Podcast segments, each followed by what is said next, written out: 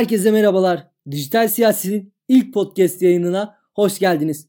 Hafta içi her gün yapacağımız bu podcast yayınlarında günün gündem maddelerini ben Saimcan Büyüköztürk okuyacak. 21. dönem Osmaniye Milletvekili Birol Büyüköztürk yorumlayacak. Zaman kaybetmeyelim. İlk podcast yayınımız başlasın.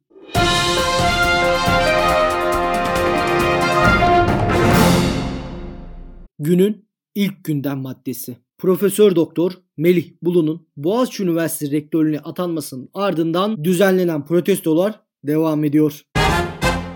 Burada protestolarda aslında bir yanlış başladı. Melih Bulu üzerine şekillenen bu protestolar bize doğru bir netice veya sağlıklı bir zemin oturtturmayacak eleştirilerimiz. Bugün Melih Bulu, yarın Ahmet, Mehmet. Burada önemli olan atanma şekliyle ilgili bir hadise var. E, itirazımız buna olmalı ve biz buna itiraz etmeliyiz. Yoksa Melih Bulu'nun şahsında devam eden bu protestolar doğru zemin üzerinde ilerlemiyor. Ve maalesef protestoların içerisine siyasetle karıştırılarak daha da içinden çıkılmaz bir hal aldı. Yani hak arama yerine işi siyasete döküldü. Katil polis sloganı asla bizim tarafımızdan kabul edilemeyecek yaklaşımdır.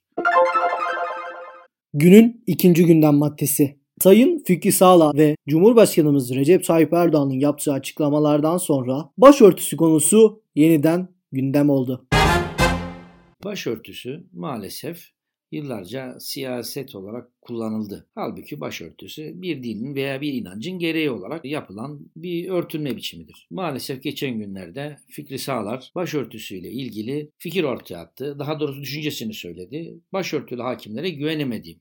Şimdi o zaman siz başörtülü hakimlere güvenemezseniz öbürü de başörtülmeye güvenmez. Bu doğru olmayan daha doğrusu bir düşünce.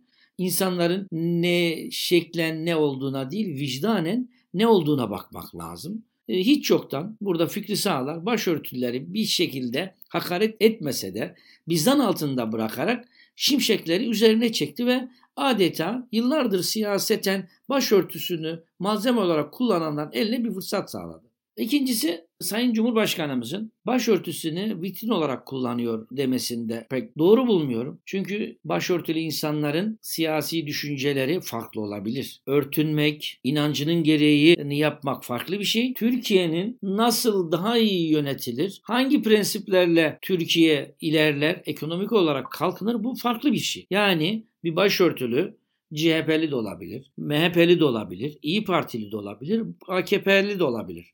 Burada hiç kimseyi başörtüsünden dolayı sadece kendisine sahiplenmek, başkasını sanki başörtülü olamaz gibi bir düşünce doğru bir düşünce olarak görmüyor.